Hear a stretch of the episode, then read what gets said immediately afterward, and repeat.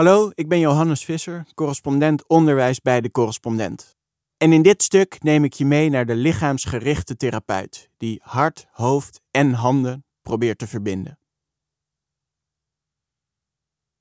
In de praktijkruimte van haptotherapeut Tessa Lenderink, 47, heeft cliënt Judith haar schoenen uitgetrokken.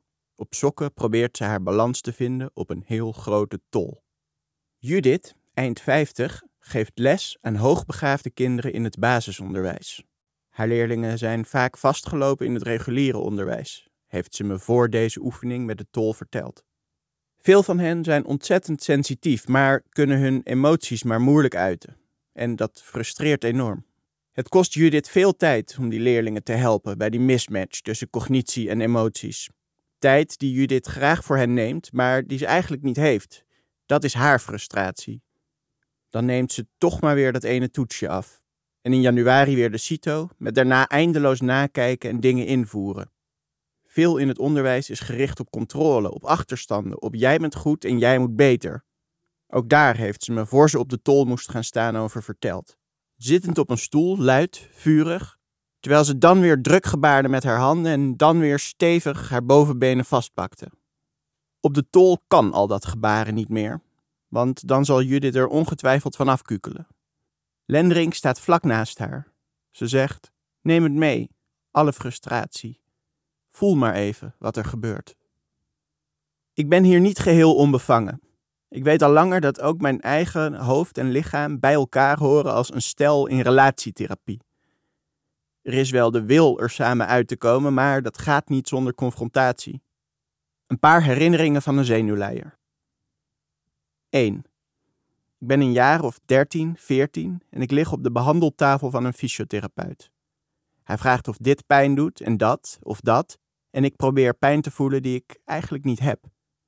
Wat hij niet weet is dat ik iedere zaterdag kotsmisselijk naar mijn voetbalwedstrijd fiets en deze schijnblessure me hopelijk weken aan de kant houdt. Ik feins wat pijn en hop, weer twee weken vrij. Wanneer ik maanden later weer mee mag spelen, voel ik het zeuren in mijn lies. Ik trap vol tegen de bal en dan schiet het er opeens in. Pats, schreeuw, liesblessure. Zou ik dan toch? Herinnering 2. Ik ben begin twintig, lig op een ziekenhuisbed en het is de vraag of mijn blinde darm verwijderd moet worden. Die is 9 mm dikker dan hoort. En bij 1 centimeter schrijft het protocol verwijdering voor, vertelt een arts me. Maar ik denk dat die ontsteking komt door stress en de bron van die stress is kort geleden weggevallen. Kunnen we het niet nog even aankijken? De blinde darm mag blijven van de arts en nu, meer dan tien jaar later, zit hij er nog steeds. Herinnering 3. Ik ben begin 30 en word wakker met een trillende voet. Die voet wordt een heel ongecontroleerd bewegend been, gevolgd door een bovenlichaam dat ook mee begint te doen. Twee armen die in een kussen slaan en een mond die schreeuwt en jankt en alles en iedereen vervloekt. Na een paar minuten schokken en schreeuwen word ik rustig. Wekenlang word ik vaker wel dan niet zo trillend wakker. Paniekaanvallen leer ik pas later, wanneer een collega er een heeft en een andere collega beschrijft wat er gebeurde en duidt: hij had een paniekaanval. Misschien dat haptotherapie me kan helpen de balans tussen lijf en hoofd terug te vinden, had ik bedacht. Maar ik ben hier ook uit professionele interesse. Al maanden schrijf ik over wat onderwijs met de psyche van kinderen doet. In een eerder artikel kwam ik uit bij David Brooks, een conservatieve Amerikaanse journalist die stelt dat we het denkende brein overwaarderen. Dat denkende brein zou slechts het op twee na belangrijkste deel van ons bewustzijn zijn. Belangrijker zijn volgens Brooks het hart en de ziel. En die vind je niet in individualisme, maar in afhankelijkheid, relaties en gemeenschap. Maar, vroeg ik me af, wat zijn dat dan? Dat hart en die ziel. Ik hoopte het antwoord te kunnen vinden bij fysiotherapeuten en deed een oproep. Mag ik een dagje meelopen? Van veel lezers kreeg ik als antwoord: nee. Fysiotherapeuten zijn vrijwel uitsluitend gefocust op het lichaam. Ga naar lichaamsgerichte therapeuten. De hapto, de psychomotorisch therapeut. Die kunnen je meer vertellen over de verbinding tussen hart, hoofd en lichaam. Ik ben nieuwsgierig, maar ook bang. Bang dat het blijft bij een taaltje van de geest en verbinding en in je kracht komen te staan waar ik gewoon niet zoveel mee kan. In de praktijkruimte van Tessa Lendering vindt cliënt Judith inmiddels steeds meer haar rust op de tol.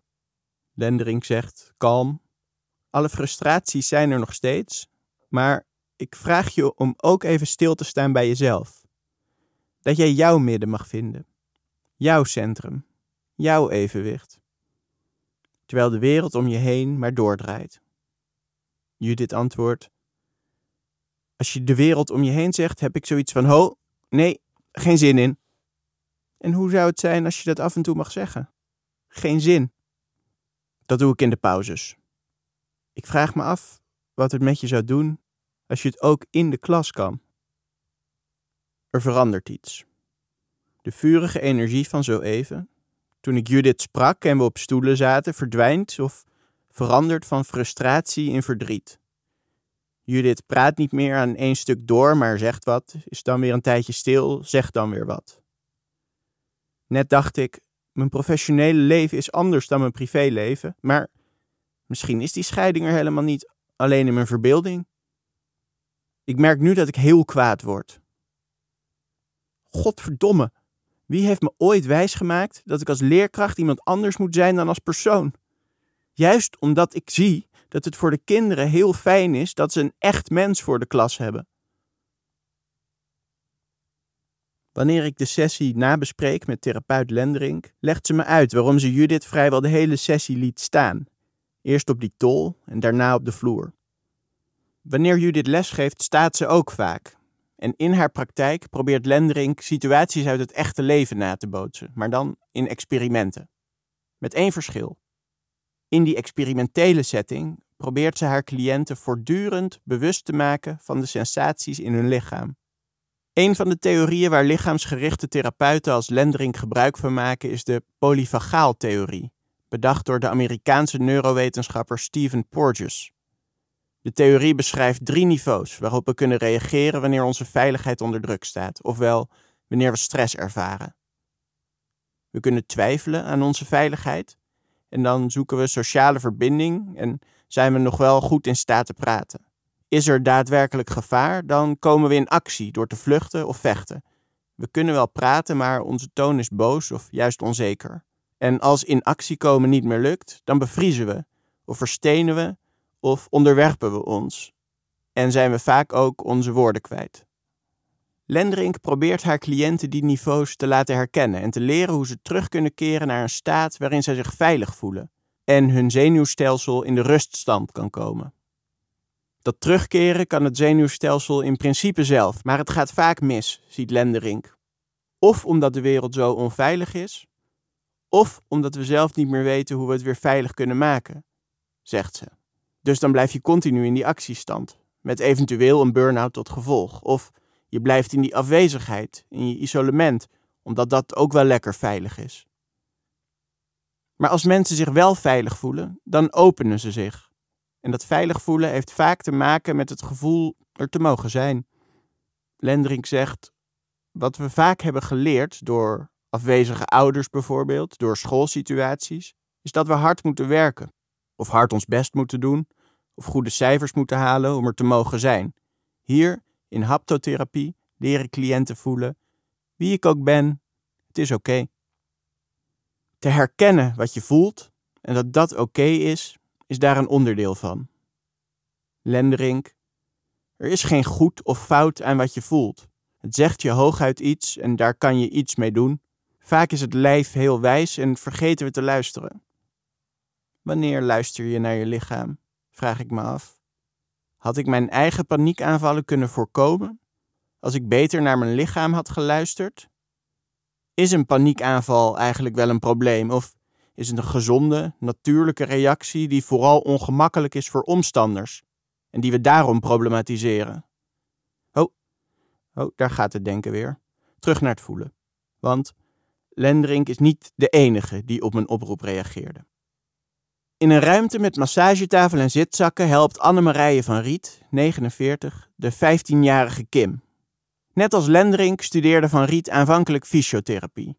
Daarna studeerde ze bewegingswetenschappen in Amsterdam om zich vervolgens te specialiseren in kinderfysiotherapie en haar eigen praktijk te beginnen. En net als Lenderink ontdekte ze dat fysiotherapie alleen niet toereikend was. Ze zag in haar praktijk steeds meer kinderen met dezelfde langdurige pijn- en vermoeidheidsklachten, waardoor ze niet de dingen konden doen die ze belangrijk vonden. Naar school, sporten, afspreken met vrienden. Om die kinderen beter te kunnen helpen, ging ze een opleiding kinderen- en jongerencoaching doen en nog wat losse dingen tussendoor, om vervolgens ook nog een tweejarige haptonomieopleiding te volgen.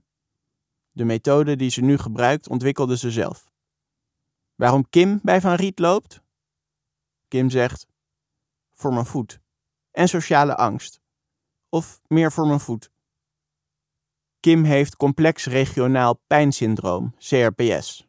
Dat is continue pijn in een lichaamsdeel, in Kims geval haar rechtervoet, die gepaard kan gaan met bijvoorbeeld zwellingen, overmatig zweten en motorische stoornissen. Vaak is de oorzaak een operatie of verwonding waar het lichaam dan overdreven sterk op reageert. Een beetje nerveus speelt Kim met haar vingers voor haar buik. Van Riet vraagt haar even een check te doen, alsof je met een ruimteschip door je lijf gaat, om te kijken hoe het overal is. En dan vraagt Van Riet, wat gebeurt er aan die rechterkant? Kim, als ik op die kant sta, daar word ik echt misselijk van. Dan word ik misselijk van de pijn. Van Riet helpt haar jonge cliënten om langzaamaan iets meer op haar pijnlijke voet te gaan staan. Ze staat dicht bij haar en samen zoeken ze naar het moment waarop de misselijkheid begint. Ah, daar is hij al. Van Riet merkt op. Er gebeurt nu ook iets in je ademhaling. Wat doe jij met je ademhaling als je die pijn voelt? Ik hou hem een beetje in. Samen doen ze een oefening om rustiger te ademen, terwijl de voet in de pijnlijke houding blijft. Langzaam ebt die pijn weg. Van Riet zegt: Kijk nu eens naar je voet. Die staat hetzelfde, maar jij voelt je nu anders. Dus jij kunt wel iets doen met wat die voet jou aangeeft. Even stil. Dan zegt Kim: Nu heb ik angst, omdat je zo dichtbij staat. Hé, hey, maar net voelde je die angst niet, omdat je zoveel pijn had. Van Riet stapt bij Kim vandaan. Ze gaat tegenover haar staan, een meter of vijf bij haar vandaan. In de volgende oefening zullen ze inzoomen op die angst. Van Riet zet een stap in Kims richting. Hoe voelt dit? Nog een stapje. Nog één. En nog één. Tot Kim zegt: Nu is het moeilijk oogcontact te houden. En Van Riet reageert: Maar je wilt niet meer weg, zoals vorige keer. Mag ik nog dichterbij? Nee. Nee, het is wel goed zo. Ik heb ook weer last van mijn voet nu. Na Kim komt de 14-jarige Max de praktijk binnen. Tijdens zijn sessie laat Van Riet hem zakjes grind tegen een schuin opstaande trampoline gooien. Ze leert hem dat hij zijn ademhaling, zoals zoveel mensen, vastzet als hij kracht zet. En dat hij veel meer kracht kan zetten als hij de zakjes op een uitademing gooit. En dat hij er best geluid bij mag maken. Ademhaling, in rust en bij inspanning, is belangrijk in de trajecten die Van Riet begeleidt vertelt ze me na de sessie. Het helpt kinderen volgens Van Riet te leren luisteren naar de seintjes van hun lijf. Want bij haar jonge cliënten ziet ze vaak dat het alles of niks is. Van Riet zegt, ze crossen in de zesde versnelling door hun leven totdat er iets error zegt en dan liggen ze eraf. Komen ze hun bed niet meer uit. In haar praktijk leert Van Riet kinderen wanneer ze moeten terugschakelen en hoe ze dat dan kunnen doen. Een paniekaanval kan weliswaar een functie hebben, maar wie goed naar zijn lichaam, zijn ademhaling heeft leren luisteren, kan de onrust eerder herkennen en die gedoseerder ventileren. Dat kinderen nooit hebben leren luisteren naar de seintjes die hun lijf geeft, is volgens Van Riet niet zo gek. Onze maatschappij is vol prikkels en legt de nadruk op prestatie. Van Riet zegt: Je kunt wel bedenken, ik moet het rustig aandoen. Maar als het systeem tegen jou zegt dat je door moet zetten in je toetsweek, omdat je die moet halen om over te gaan, dat het belangrijk is dat je VWO haalt, omdat de wereld alleen dan voor je open ligt, ja, wat doe je dan? Je moet wel heel stevig in je schoenen staan als jij het anders wilt doen dan anderen, zeker als je puber bent. Je wilt ook aansluiting vinden. Dus het gaat ook over eigenwaarde, over vertrouwen in jezelf, over letterlijk in je eigen schoenen kunnen blijven staan. Eigenwaarde, vertrouwen in jezelf, in je eigen schoenen kunnen blijven staan. Dat is waar de oefening met de tol voor Judith ook om draait, al heeft ze haar schoenen er juist voor uit moeten trekken. Wat is daar nu zo zweverig aan? Mijn vrees te moeten luisteren naar een zweverig taaltje van verbinding en geesten in je kracht staan waar ik niets mee kan, is helemaal niet bewaarheid. Tijdens mijn bezoeken zie ik juist in, doordat die taal zo fysiek gemaakt wordt, wordt ze ook tastbaar. Daar is niets zweverigs aan. Wanneer juf Judith vertrokken is bij Tessa Lendrink, mag ik zelf ook even op de tol gaan staan. Ik voel dat ik het goed wil doen, wil laten zien hoe goed ik mijn balans kan houden en tegelijkertijd vergt dat zoveel inspanning dat ik weinig tijd heb om er echt bij stil te staan. De meeste mensen proberen hun balans te zoeken op die tol, zegt Lendering. Ze proberen het goed te doen, maar dat is de opdracht helemaal niet. Dan gaat mijn hoofd weer aan. Moet dit in de reportage komen? Kan het misschien aan het slot? Of is dat persoonlijke lijntje pathetisch en moet ik dat in een dagboek opschrijven, maar zeker niet in een artikel voor de correspondent? Gedachten die er in lichaamsgerichte therapie ook mogen zijn, stelt Lenderink me gerust. Want, zo zegt ze, het denken is hartstikke belangrijk. Het kan het lichaam ook rustig maken, maar het heeft zo vaak zo'n grote rol in ons leven dat we de balans er wel wat meer in mogen brengen. Bedankt voor het luisteren. Wil je meer artikelen van mij lezen? Abonneer je dan vooral op mijn nieuwsbrief. Dat kan door te gaan naar www.decorrespondent.nl schuine streep mail schuine streep Johannes Visser. Dankjewel.